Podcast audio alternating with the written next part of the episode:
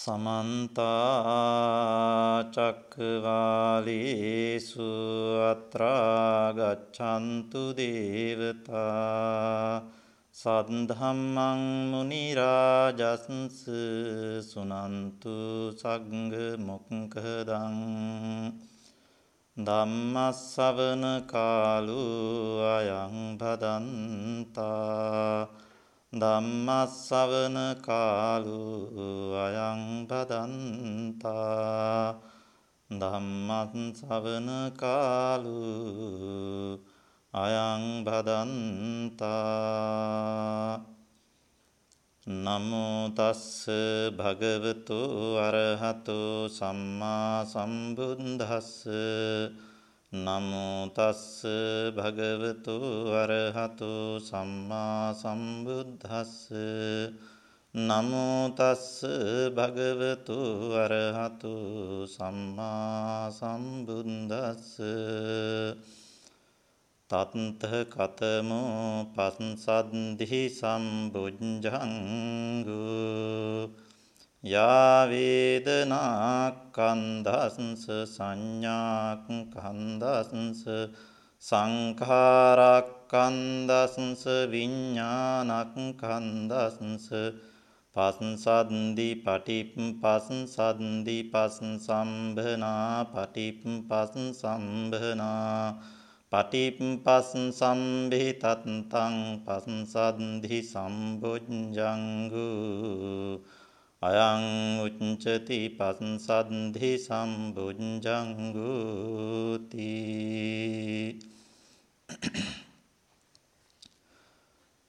තුන් ලෝකාග්‍ර වූ භාග්‍යවත් අරහත් සම්්‍යක් සම්බුද්ධ දසබලධහරි සර්වඥ සම්මා සම්බුදුරජාණන් වහන්සේ ගාම්භීර අභිධර්ම පිටකයේ විභංග ප්‍රකරණයේ බොජ්ජංග විභංගයේ පස්සද්ධි සම්බොජ්ජංගය විස්තර කෙරෙන ධර්ම පාඨයකුයි මාතෘකා ස්ථානයේහි ප්‍රකාශ කරන්නට යෙදුනේ. බුදුරජාණන් වහන්සේ ප්‍රශ්නයක් අහලා ඒකට උත්තරයක් දෙනවා. තත්ත කතමෝ පස්සද්ධි සම්බොජ්ජංගෝ කුමක්ද පස්සද්ධි සම්බොජ්ජංගය? යා වේදනා කන්දස්ස වේදනා ස්කන්ධයාගේ සංඥා කන්දස්ස සංඥා ස්කන්ධයාගේ සංඛාර කන්දස්ස සංස්කාර ස්කන්ධයාගේ විඥාන කන්දස්ස විඥාන ස්කන්ධයාගේ පටිපස්සද්ධි සංසිඳීමක් වේද?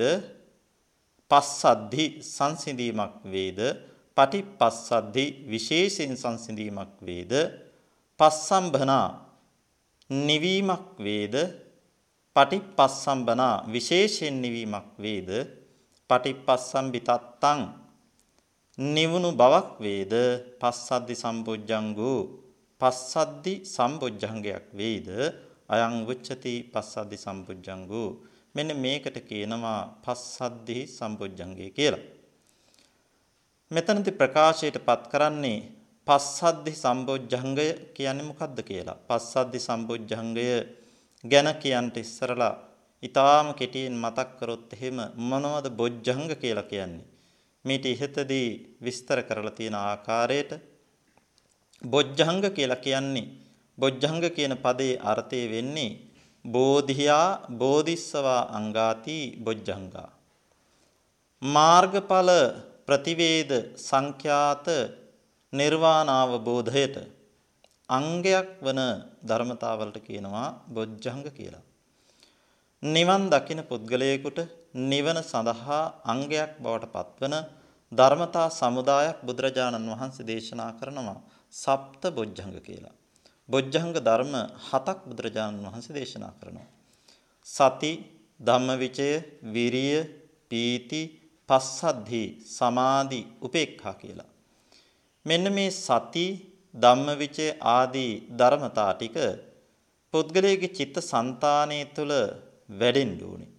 මේක වැඩෙනකොට තමයි ඒ පුද්ගලයා නිවන් අවබෝධය කියන බෝධියටපත් වෙන්නේ. අවබෝධයටපත් වෙන්නේ.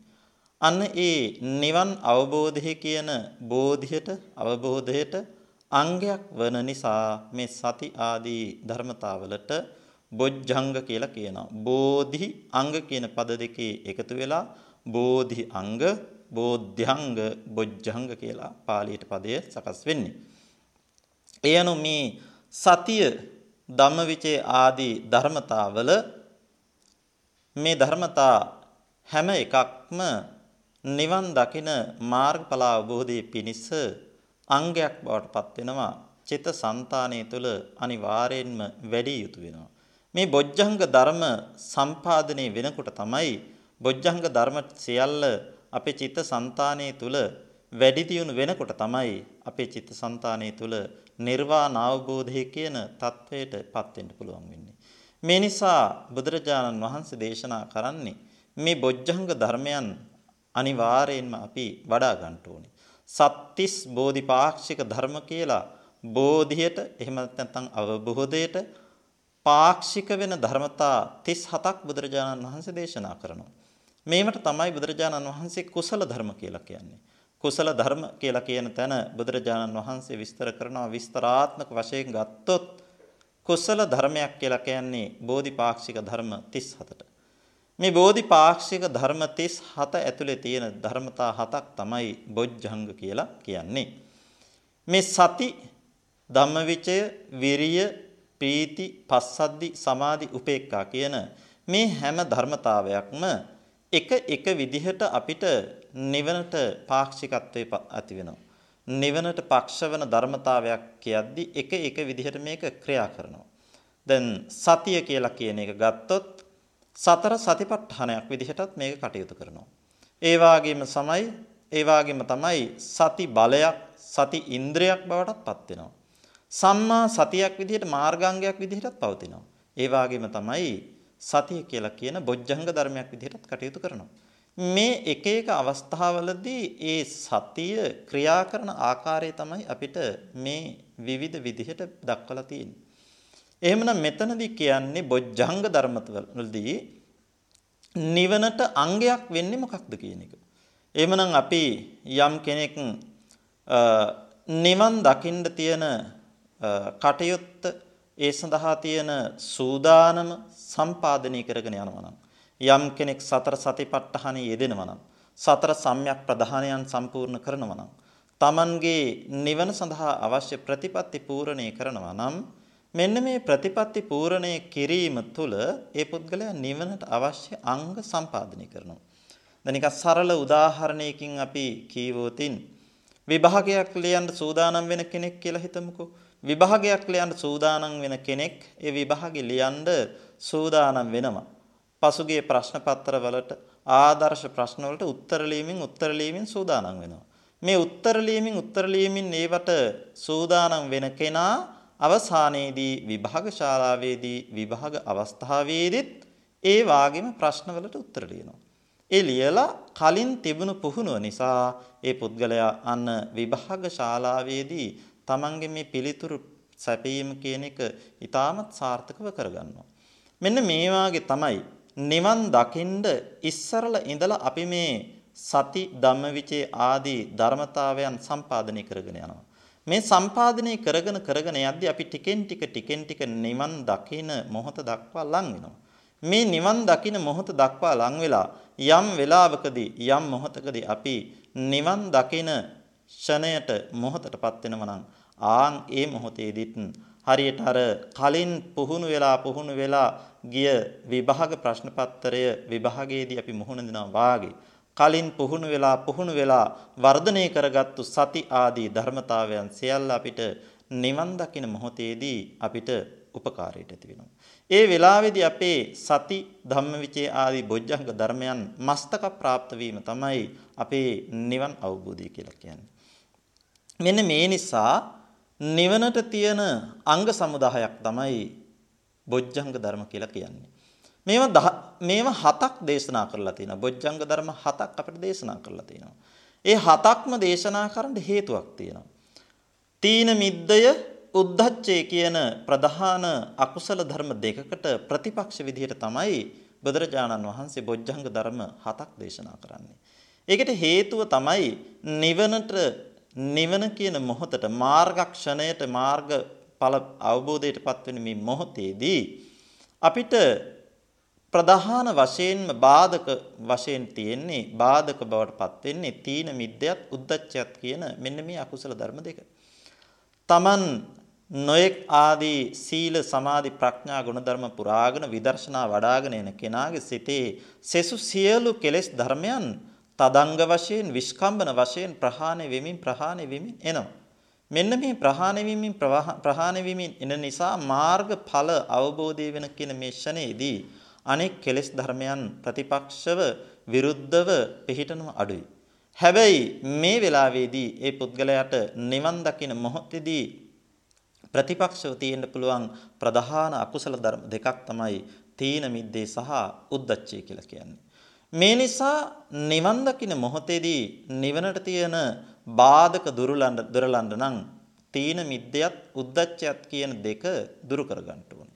මේ තීන මිද්දයත් උද්දච්චයත් කියන දෙක දුරු කරගන්නට සුදුසු වෙන විදිහට තමයි බොජ්ජංග ධර්ම හතක් බුදුරජාණන් වහන්සේ දේශනා කරන්නේ.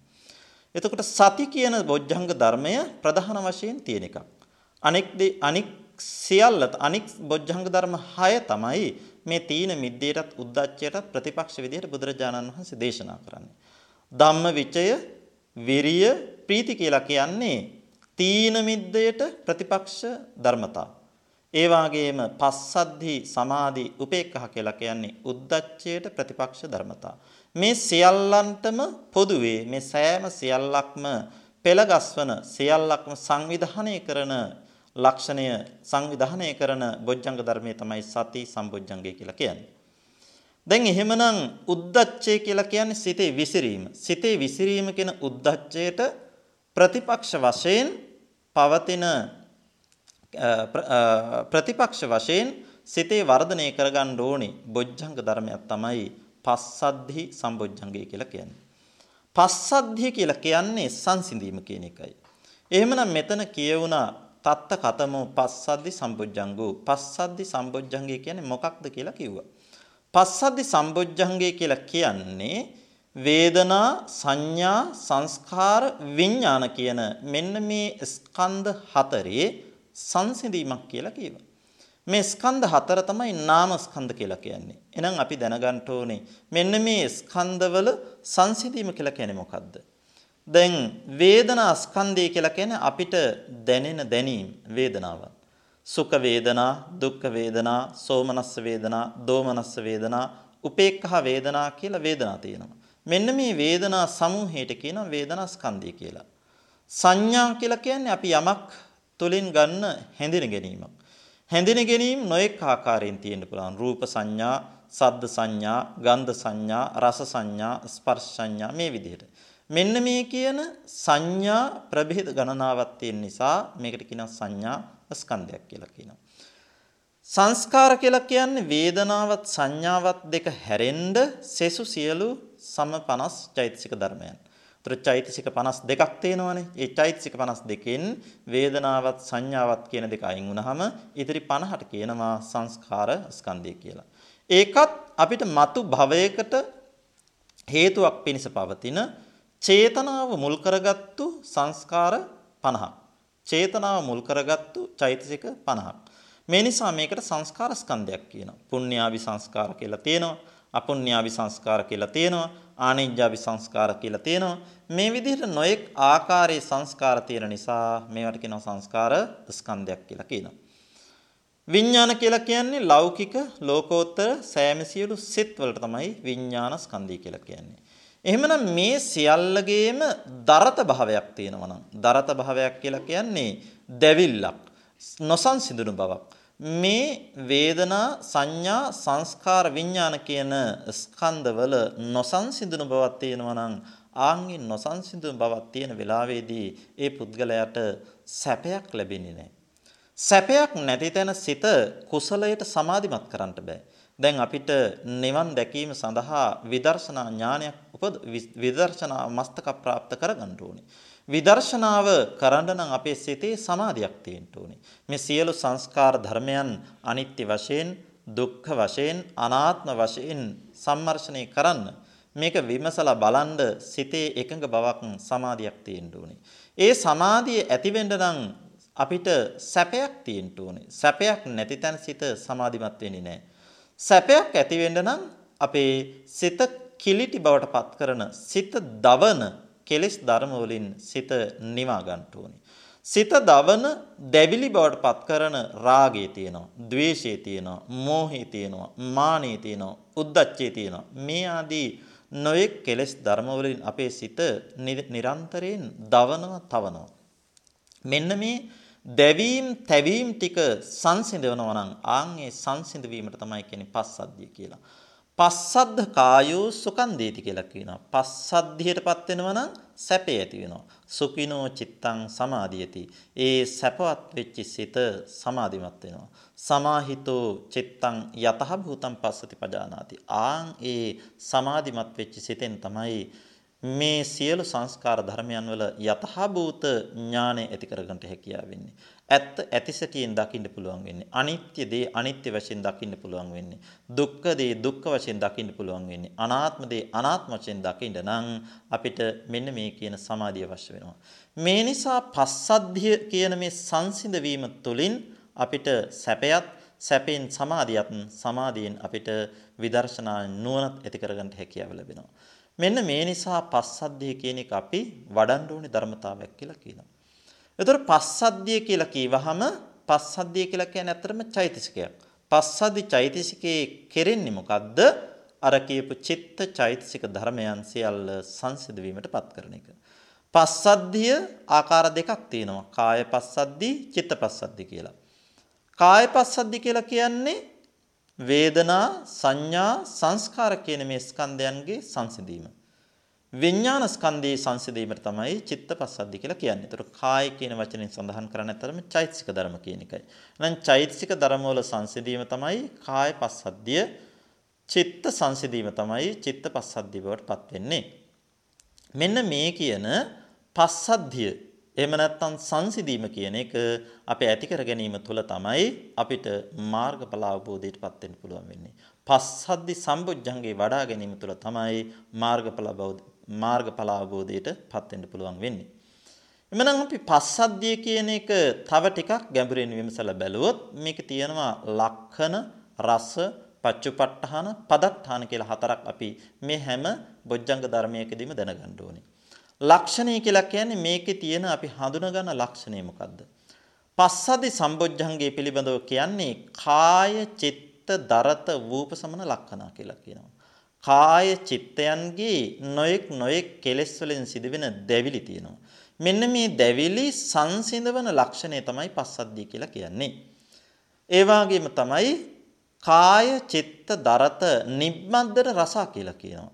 කාය චිත්තයන්ගේ ඒ කියන්නේ චිත්ත චෛතසික ධර්මවල නිම්මන්දන රසා කියලා කියන්නේ මේ වගේ ඇතිවෙන දරත භාවයන්. එහෙමත් නැත්නම් දැවිලි භාවයන්, දවන තවන ගතියන් සංසිඳ වීම කියන එක, මැඩ පැවැත්වීම කියන එක තමයි පස්සද්ධියේ තියෙන කෘත්‍යය කියලා කියන්නේ.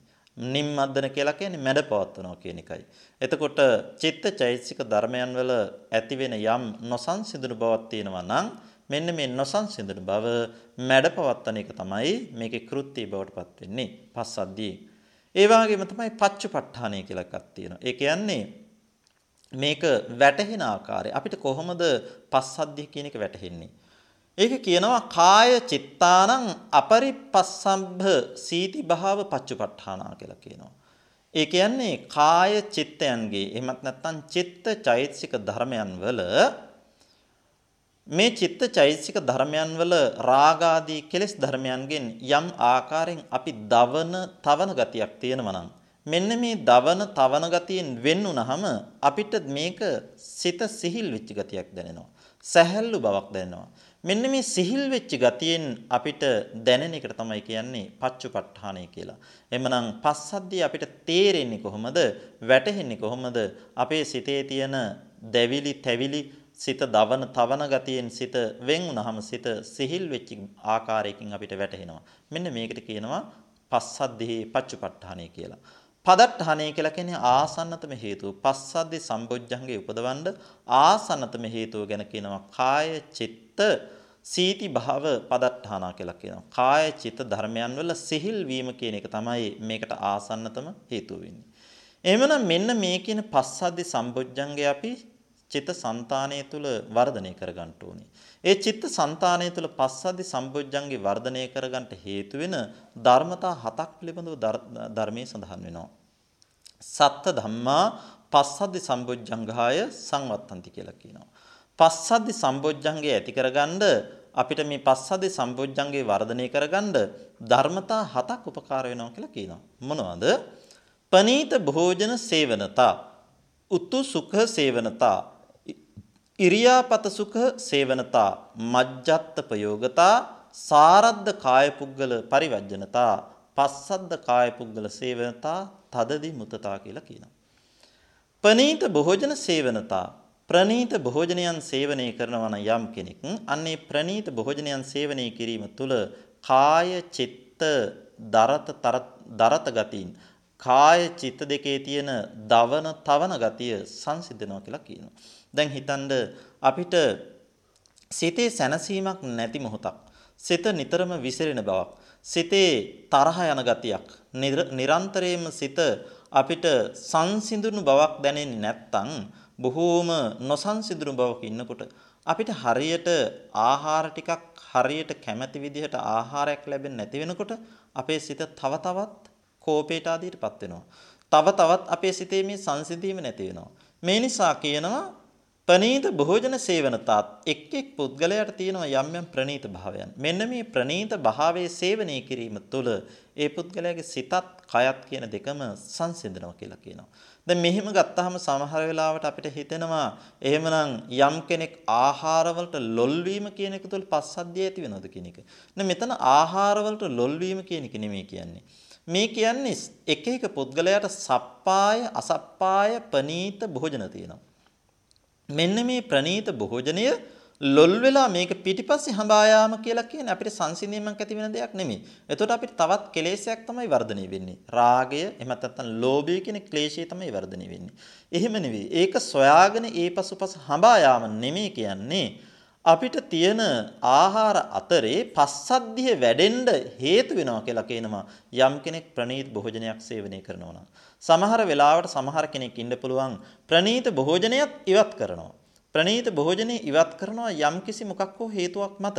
සමහර වෙලාවට මේකෙන් මගේ කෙලෙස් ඇති වෙනවන කියලා ප්‍රනීත භෝජනේ ඉවත් කරන්න කෙනෙක්ට හිතෙන්න පුළුවන්.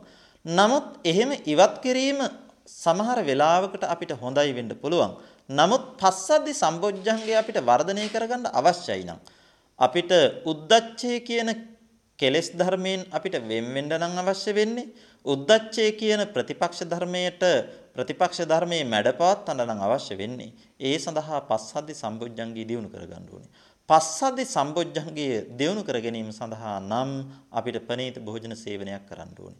දැන් අපි දන්නවා යම් කෙනෙක් නොලබපු ධානයකට පත් වෙන ළඟයි නම් ධානයටපත් වෙන්න ප්‍රතිභාග නිමිත්තක් පහළ වෙලා ඒ පුද්ගලයා උපචාර සමාධියෙන් මස්තක ප්‍රාප්ත වෙලා දැන් අර්පණා ගත වෙන්න ළඟයි. අර්පණා ගත වෙන්න සමීප කාලයක් වෙන්නේ. මෙන්න මේ සමීප කාලය නම් මේ වෙලාවේදී අපිට සමහර වෙලාවට ප්‍රනීත භෝජන සේවන ආදියකින් සප්පාය භෝජන සේවනය කිරීම ආදියකින් අපිට පස්සද්ධි සම්බොජ්ජංගය ඇති කර ගැනීම මේ නොලබපු ධානය ලබන්න උපකාර වෙනවා. ඒ කියන්නේ අපි හැමදාම මේ විදිහට ප්‍රනීත භෝජන සොයාගෙන යනවා කියන එක නෙමෙයි. අපේ ඒ අවස්ථාවේදී පස්සද්ධි සම්බොජ්ජංගේ වර්ධනය කරගන්න අවශ්‍ය නම් අන්නේ සඳහා පවතින ධර්මතාවයක් තමයි ප්‍රනීත භෝජන සේවනය කියලා කියන්නේ. ඒ වගේම තමයි උතුසක සේවනය කියලා කියනවා. ඒ කියන්නේ ඍතු එක එකනාට සප්පාය ඍතු තියෙනවා අසප්පාය ඍතු තියෙනවා. සප්පාය සේනාසන තියෙනවා අසප්පාය සේනාසන තියෙනවා. දැන් සමහර වෙලාවට සමහර කෙනෙක්ට ඊටා අධික සීතල පරිසරයේ ගැලපෙන්නේ නැහැ. තව සමහර කෙනෙකුට අධික උෂ්ණ පරිසරයේ ගැලපෙන්නේ නැහැ. මේ විදිහට තම තමන්ට ගැළපෙන පරිසරය මොකක්ද කියලා Taman හඳුනාගෙන ඉන්නව නම් අන්නේ සුදුසු විදිහට සේවනය කරනවා නම් පස්සද්ධි සම්බොජ්ජංගේ වැඩෙන්න හේතුවක් වෙනවා කියලා කියනවා.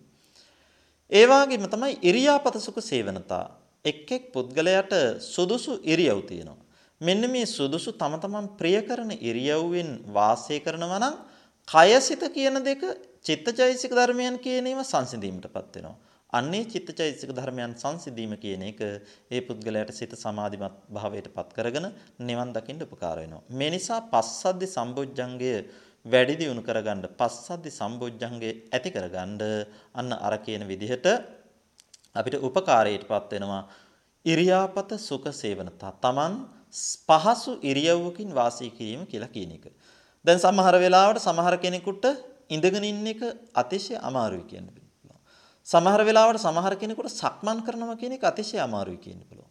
එතකොට මේ අතිශය අමාරු ඉරියව්වකින් තවදුරටත් වාසය කිරීම තුළ ඒ පුද්ගලයාගේ පස්සද්ධි සම්පොඥංගේ වැඩෙන්නේ නැහැ. පස්සද්ධි සම්පොඥංගේ වැඩෙන්න එයාට පහසු ඉරියව්වකට යන්න ඕනේ. හැබැයි පහසු ඉරියව්වකට යනකොට අපි දැනගන්න ඕනේ මේ වෙලාවේ අපිට පස්සද්ධි සම්පොඥංගේ වඩන්නද අවශ්‍ය වෙන්නේ ඒ කියන්නේ උද්දච්චයට ප්‍රතිපක්ෂ සම්බොජ්ජංගයක් වඩන්නද අවශ්‍ය වෙන්නේ එහෙම නැත්නම් තීන මිද්දයට ප්‍රතිපක්ෂ බොජ්ජංගයක්ද වඩන්න ඕනේ කියලා. යම් කෙනෙක්ට තීන මිද්දයට ප්‍රතිපක්ෂ බොජ්ජංගයක් වඩන්න ඕනේ වෙලාවේදී එයා පස්සද්ධි සම්බොජ්ජංගේ වඩන්න කියලා පහසු ඉරියව් සොයාගෙන ගියොත් ඊටාම ඉක්මනට නිින්දට වැටෙන්න පුළුවන්. භාවනා කරනකොට සමහර වෙලාවට අපහසුයි කියලා හිතලා හේතු වුනහම ටික වෙලාවකින් ඉක්මනට නිින්දට වැටෙනවා. මෙන්න මේ නිසා අපි පහසු අපි Tamanට පහසු ඉරියව්ව සොයාගන්න අපි බලන්න ඕනේ මේ වෙලාවේදී Tamanගේ වැඩෙන්න ඕනි මොන ධර්මතාවයේද කියන එක. එහෙමනම් මට උද්දච්චයට ප්‍රතිපක්ෂයි නම් මම මගේ සිත විසිරෙනවා වැඩි නම් ඒ විසිරෙන එකකින් නම් මම බේරෙන්න ඕනේ මම මිදෙන්න ඕනේ. අන්න ඒ වෙලාවේ පස්සද්ධි සම්බුද්ධංගේ වැඩෙන්න පහසු ඉරියව්වක් අපිට සොයාගන්න එක සමහර වෙලාවට උපකාර වෙන්න පුළුවන්. මේ නිසා පස්සද්ධි සම්බුද්ධංගේ වඩන්ඩ ඉරියාපත සුඛ සේවනයේ කියන එකත් හේතු වෙනවා. ඒ විතරක් නෙවෙයි මජ්ජත් ප්‍රයෝගතා කියලා එකක් තියෙනවා. මජ්ජත් ප්‍රයෝගතා කියලා කියන්නේ ඒක පැහැදිලි කරනවා අත්තනෝච පරස්සච කම්මස්සකත පච්චවෙක්කනතා කියලා කියනවා. තමන්ගෙත් අන් අයගෙත් කම්මස්සකත ඥානය. එහෙමත් නැත්නම් කර්මයේ සකීය කොටගත් භාවය කියලා කියන එක ප්‍රත්‍යවේක්ෂා කරනවා කියන එක. එතකොට යම් කෙනෙක් තමන්ගෙත් අන් අයගෙත් කර්මයේ ස්වකීය කරගත් භාවයේ ප්‍රත්‍යවේක්ෂා කරනවා නම් අන්න ඒ වෙලාවේදී එයා මධ්‍යස්ථ ප්‍රයෝගයක් ඇති වෙනවා කියලා කියනවා. මේ කියන්නේ මෙහෙමයි. සමහර වෙලාවට අපි මධ්‍යස්ථ ප්‍රයෝගයෙන් වෙන් වෙන අවස්ථාවන් තියෙනවා. දැන් හිතන්න කෙනෙක් අපිට නිර්පරාදී දෝෂාරෝපණයක් කරනවා. මේ නිර්පරාදී දෝෂාරෝපණය කරන අවස්ථාවේදී අපිට අපි මේකට කෝප ගන්නවා නම් අපිත් ඒකට කෝපාරගෙන ඊට ප්‍රතිපක්ෂ විදිහට කටයුතු කරන්න යනවා නම් අන්න ඒ වෙලාවේදී අපි මධ්‍යස්ත නැහැ. මධ්‍යස්ත ප්‍රයෝගයක් කියලා කියන්නේ අපි කය, වචනය, සිත කියන මේ තුන සංවර භාවයට පත් කරගන්නවා කියන එකයි. කය සංවර භාවයට පත් කර ගැනීම කියන එක අපිට කියනවා ප්‍රාණඝාත, අදත්තාදාන, කාම මිත්‍යාචාර ආදියෙන් වැළකීමෙන් අපි කය සංවර භාවයට පත් කරගන්නවා. වචනේ සංවර භාවයට පත් කර ගැනීම කියලා කියන්නේ මුසාවාද, පිසුනාවාච, පරුසාවාච, සම්පප්පලාප කියන මෙන්න මේවාන් අයින් වීම කියන එකයි. ඒ කියන්නේ වාචසික සංවරය ඇති කර ගැනීම කියන එක. ඒ වගේම තමයි අවිද්‍යාව, ව්‍යාපාදී, මිත්‍යා දෘෂ්ටිය කියන ධර්මයන්ගෙන් වෙන්වීමට කියනවා මනස සංවර්ධනය කර ගැනීම කියලා. මෙන්න මේ අසංවර භාවය කියලා කියන්නේ අපේ සිත කය කියන දෙකම චිත්ත චෛතසික ධර්මයන් කියන මේ සියල්ලම නොසන්සිඳුණු භාවයට පත් කරන්න හේතුවක් වෙනවා සිත කය වචනය අසංවර භාවයට පත් කරගත්තාම. අපි ප්‍රාණඝාතය කරන පුද්ගලයෙක් හිතුවොත් ප්‍රාණඝාතය කරනවා නම් ඒ පුද්ගලයාගේ සිත කවදාකවත් සංසිඳිලා පවතින්නේ නැහැ. ඒ පුද්ගලයාගේ සිත නිරන්තරයෙන් විසිරීමටපත් වෙනවා. ඒ වගේම තමයි සොරකම් කරනවා නම් යම් කෙනෙක් සොරකම් කිරීම තුළ ඒ පුද්ගලයා සිත විසිරීම භාවයටපත් වෙනවා. එයා කවදාකවත් සංසිඳුණු සිතකින් කටයුතු කරන්නේ නැහැ. ඒ වගේම තමයි සෙසු අකුසල ධර්මිනුත් එහෙමමයි. බොරු කීම, ඒ වාගේම පරුස වචන කීම, ඒ වාගේම සම්පප්පලාප මේ ආදී දේවල් ප්‍රකාශ කරන පුද්ගලයාගේ සිත සංසිඳිලා පවතින්නේ නැහැ. එයාගේ සිත හැම වෙලාවකම විසිරිලා පවතින්නේ.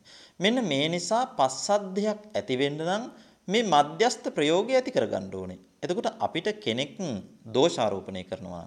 ඒ දෝෂාරෝපණය කරන අවස්ථාවේදී අපි මේ දෝෂාරෝපණය කරන පුද්ගලයාට එරෙහිව අපි අපේ සිත කය සංවර භාවයෙන් වෙන් වෙනවා අපි සිත කය සංවර භාවය නතර කරලා අසංවරව ඒ පුද්ගලයාත් එක්ක බැනවදින්න යනවා නම් අන්න එතකොට අපි සංසිඳීම කියන එකකින් වෙන් වෙනවා. මේ නිසා මධ්‍යස්ථ ප්‍රයෝගය කියලා කියන්නේ මොකද්ද? සිත කය වචනේ සංවර කරගන්න ඕනේ. මේක කොහොමද කරන්නේ? ඒක තමයි කියන්නේ අත්තනෝච පරස්සච කම්මස්සකත පච්චවෙක්කනතා කියලා. තමන්ගෙත් අන් අයගෙත් කර්මයේ ස්වකීය කරගත් භාවයේ ප්‍රත්‍යවේක්ෂා කරන්නයි කියලා කියනවා. කර්මයේ ස්වකීය කරගත් භාවය කියලා කියන්නේ අපිට කල්පනා කරන්න පුළුවන්. දැන් අපිට කෙනෙක් නිර්පරාදී දෝෂාරෝපණය කරනවා. නිර්පරාදී දෝෂාරෝපණය කරනකොට කල්පනා කරන්න ඕනේ. මේ පුද්ගලයාට මම වැරද්දක් කරේ නැහැ. වැරද්දක් කරන්නේ නැතුව ඒ පුද්ගලයා මට දෝෂාරෝපණය කරනවා. එහෙමනම් මේ පුද්ගලයා මේ දෝෂාරෝපණය කරන්නේ මම නොකරපු දෙයකට. මම නොකරපු දෙයකට දෝෂාරෝපණය කරන්නේ මේ පුද්ගලයාගේ වැරද්දක් නිසා නෙමෙයි. මේක මම මීට ඉහත භවයකදී කරගත්තු අකුසලයක විපාකයක්.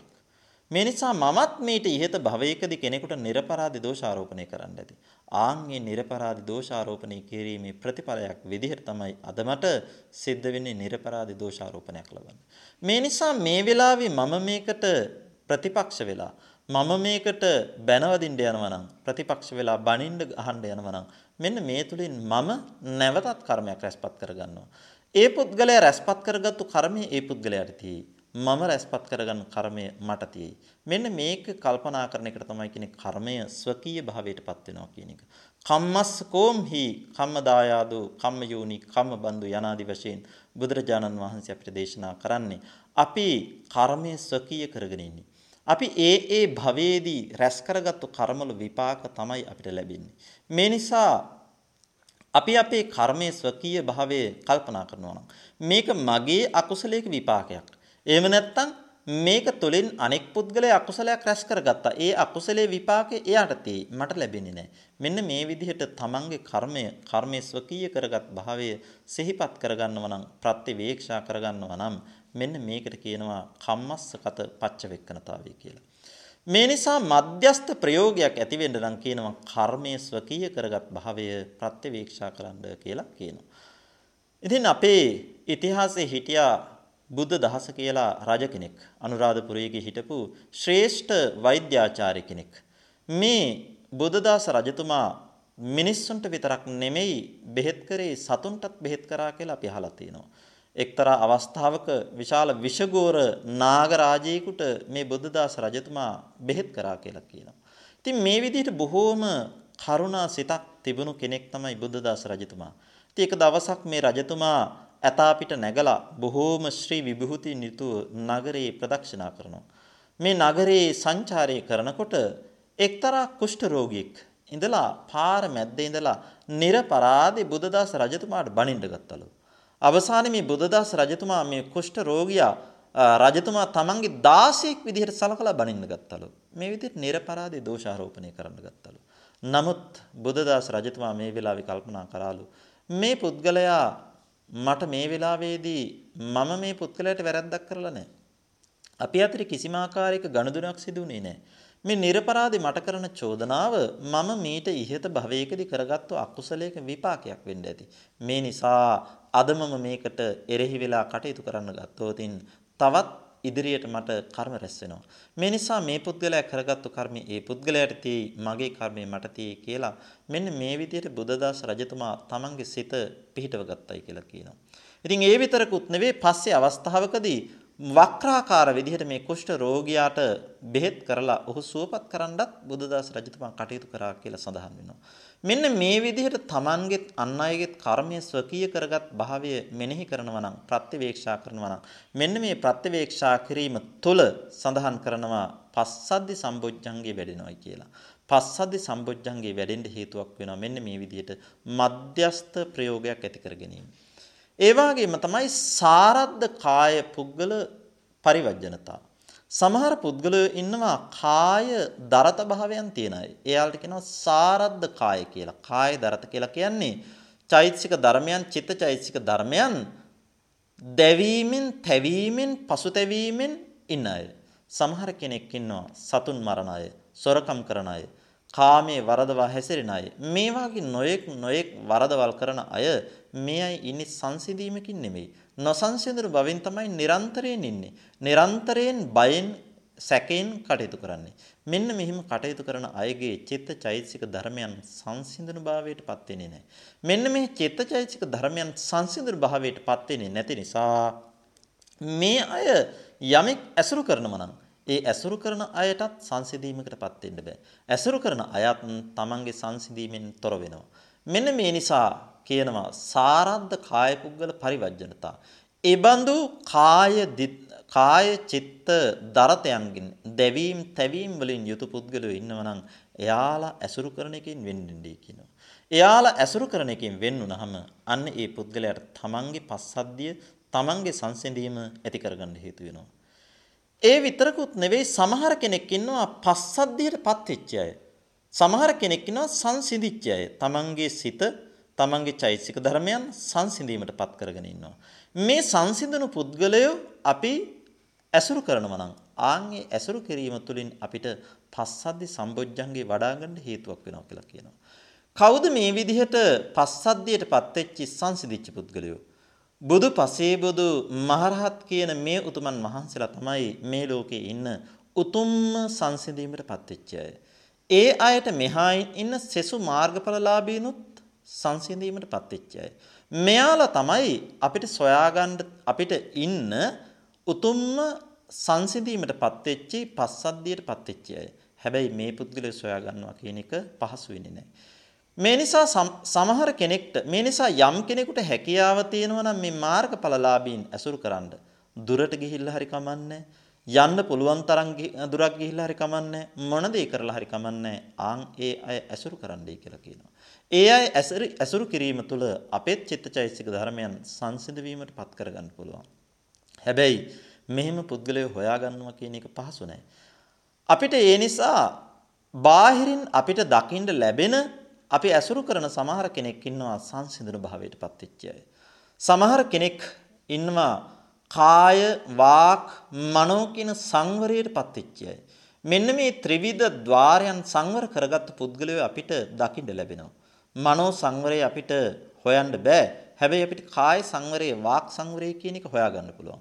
කාය සංවරය කරගත්තු අය කයින් ප්‍රාණඝාතය කරන්නේ නැත්නම් අදත්තා දානය කරන්නේ නැත්නම් කාම මිත්‍යාචාරය කරන්නේ නැත්නම් අන්න ඒ අය යම් මට්ටමකින් සංසිඳීමටපත් වෙච්ච අය.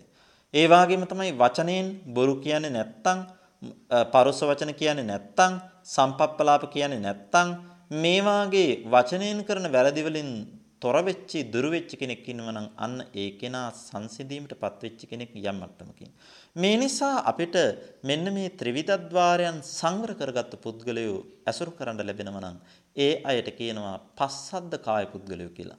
පස්සද්ධියටපත් වෙච්ච අය. අර ආර්යයන් වහන්සේලා වාගේ උතුම්ම පස්සද්ධියකටපත් වෙලා නැතත් සිත කය වචනය කියන තුන සිත කය වචනය කියන මෙන්න මේ ත්‍රිවිධ ద్వාරයන් සංවර කරගත්තු කෙනා යම් මට්ටමකින් පස්සද්ධියටපත් වෙච්ච කෙනෙක්. ආන් ඒබඳු අය නිරන්තරයෙන් ඇසුරු කරනවා නම් ඒ ඇසුරු කරන කෙනත් සංවර භාවයටපත් වෙනවා. ඒ ඇසුරු කරන කෙනත් ඒ නිසාම පස්සද්ධියටපත් වෙනවා කියලා ධර්මයේ සඳහන් වෙනවා. ඒ වගේම තමයි තදදි මුත්තතාවය. තදදි මුත්තතාවය කියලා කියන්නේ පස්සද්ධි සම්බොජ්ජංගය වඩා ගන්න ඕනේ, වැඩි දියුණු කරගන්න ඕනේ කියන ඒ දෙසට නැඹුරු වෙච්ච සිතින් යුතුව නිරන්තරයෙන් කටයුතු කරනවා කියන එක. හැම ඉරියව්වකදීම ඉඳගෙන ඉන්නකොට වෙන්න පුළුවන්, හිටගෙන ඉන්නකොට වෙන්න පුළුවන්, ඇවිදිනකොට සක්මන් කරනකොට වෙන්න පුළුවන්, නිදාගන්න ඉරියව්වෙද වෙන්න පුළුවන්. අපි නිරන්තරයෙන් පස්සද්ධිය පිළිබඳව නැමිලා ඉන්නවා නම් Tamanගේ සිත සංසිඳව ගන්න ඕනේ කියන දෙසට නැඹුරු වෙලා ඉන්නවා නම් ආන් ඒකට කියනවා තදදි මුතතාවය කියලා කියනවා. මේ නිසා හැම ඉරියව්වකින්ම සතර ඉරියව්වෙන්ම යම් පුද්ගලයෙක් නිරන්තරයෙන්ම මම සිත කය වචනය දෙක සංසිඳව ගන්න ඕනේ.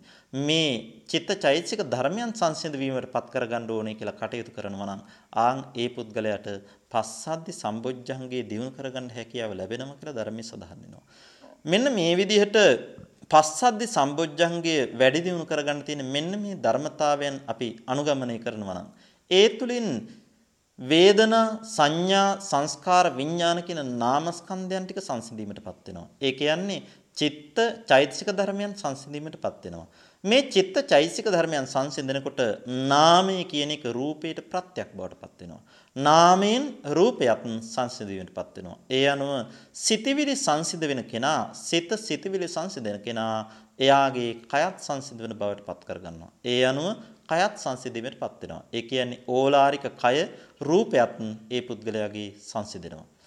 මෙන්න මේ විදිහට චිත්තචෛතසික ධර්මයන් ඒ වගේම රූප ධර්මයන් මේ සියල්ලම සංසිඳීමටපත් වෙනකොට තමයි කියන්නේ පස්සද්ධියටපත් වෙනවායි කියලා.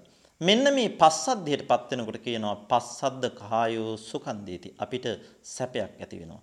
දැන් අපිට අපේ සිතේ නිරන්තරයෙන්ම තරහ ගතියින් අපි ඉන්නවනම් අපේ සිතේ නිරන්තරයෙන්ම විසිරෙච්ච ගතියින් ඉන්නවනම් සිත එකඟ නැත්නම් මෙන්න මේ වෙලාවට අපිට සැපයක් නැහැ.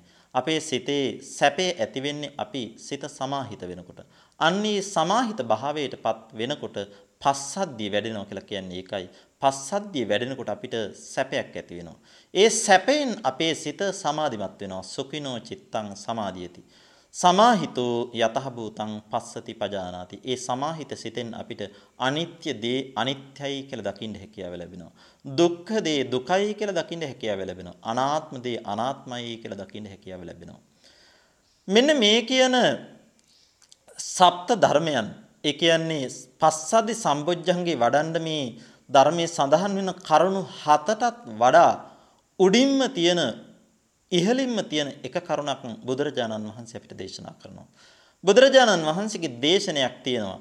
අත්ති භික්කවේ කාය පස්සද්දී චිත්ත පස්සද්දී තත්ත යෝනිසෝ මානසිකාර බහුලීකාරෝ අයමාහාරෝ අනුප්පන්නස්වා පස්සද්දි සම්බොජ්ජංගස්ස උපාදාය uppannasva passadi sambujjangassa bihiyo bhavaය වේපුල්ලාය භාවනාය පාරිපූර්යා සංවත්තಂತಿ මහණෙනි මහණෙනි කාය පස්සද්ධිය චිත්ත පස්සද්ධිය කියලා පස්සද්ධි දෙකක් තියෙනවා අත්ති බික්කවේ කාය පස්සද්ධි චිත්ත පස්සද්ධි මෙන්න මේ කාය පස්සද්ධිය චිත්ත පස්සද්ධියේ තත්ත යෝනිසෝ මනසිකාර බහුලීකාරෝ යම් පුද්ගලයෙක් යෝනිසෝ මනසිකාරය ඇති කරගන්නව නම් නුවණින් මෙනෙහි කිරීම ඇති කරගන්නව නම් අයම ආහාරෝ මෙන්න මේ කියන එක ආහාරයක් බවට පත් වෙනවා ප්‍රත්‍යක් බවට පත් වෙනවා. මොකටද?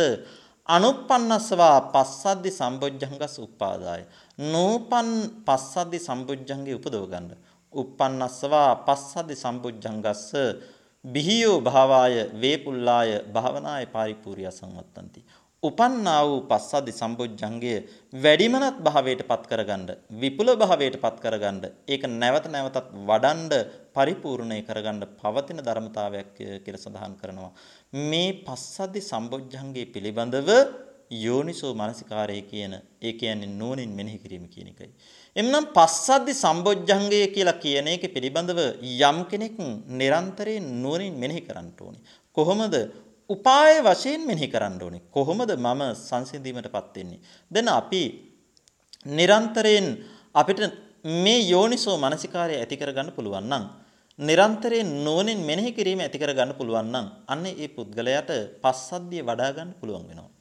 යෝනිසෝ මනසිකාරය කියලා කියන එක අපි විස්තර කරනවා අනිත්‍ය දේ අනිත්‍ය වශයෙන් දකිනවා කියලා කියන එක. දුක්ඛ දේ දුක්ඛ වශයෙන් දකින්න උත්සාහ කරනවා කියන එක. අනාත්ම දේ අනාත්ම වශයෙන් දකින්න උත්සාහ කරනවා කියන එක. මෙන්න මේ විදිහට මානසිකාරයේ පවත්තන එකට තමයි කියන්නේ යෝනිසෝ මානසිකාරය කියලා. අනිත්‍ය, දුක්ඛ, අනාත්ම, අසුභ කියන ධර්මතාවයන්ගෙන් යුතු සංස්කාර ධර්මයන් පිළිබඳව අපි ඒ විදිහටම කල්පනා කරනවා නම් ඒකට කියනවා යෝනිසෝ මානසිකාරය කියලා. හැබැයි අපි ලෝකේ සමහර වෙලාවට බොහෝ වෙලාවකට අපි ඉන්නේ අනිත්‍ය දේ නිට්ටයයි කියන සංඥාවෙන්. දුක්ඛ දේ සැපයි කියන අදහසින්. ඒ වගේම අනාත්ම දේ ආත්මයි කියන අදහසින්. ඒ වගේම තමයි අසුබ දේ සුබයි කියන අදහසින්. මෙන්න මේ අදහසින් ඉන්නවනම් මේ මානසිකාරයෙන් ඉන්නවනම් අපි යෝනිසෝ මානසිකාරයෙන් නෙමෙයි ඉන්නේ. අයෝනිසෝ මානසිකාරයෙන් ඉන්නේ. ඒ අයෝනිසෝ මානසිකාරයෙන් ඉන්නේ නැතිව යම් කෙනෙක් යෝනිසෝ මානසිකාරයට එනවනම් ඒ යෝනිසෝ මානසිකාරී කියන එක පස්සද්දි සම්බොජ්ජංගේ වැඩි දියුණු කරන්න උපකාර වෙන උපාය භාවයෙන් කල්පනා කරනවා නම් අන්න ඒකට කියනවා පස්සද්දි සම්බොජ්ජංගේ පිළිබඳව යෝනිසු මනස්කාරය ඇති කරගන්නවා කියලා. දැන් හිතන්න අපේ සිතේ නොසන්සිඳෙන යම් අරමුණක් ඇති වෙනවා. යම් තරහගත්තු අරමුණක් තියෙනවා කියලා හිතන්න. මෙන්න මේ තරහගත්තු අරමුණ පිළිබඳව ඒ අවස්ථාවේදී අපි නොසන්සිඳීම් භාවයටපත් වුණා.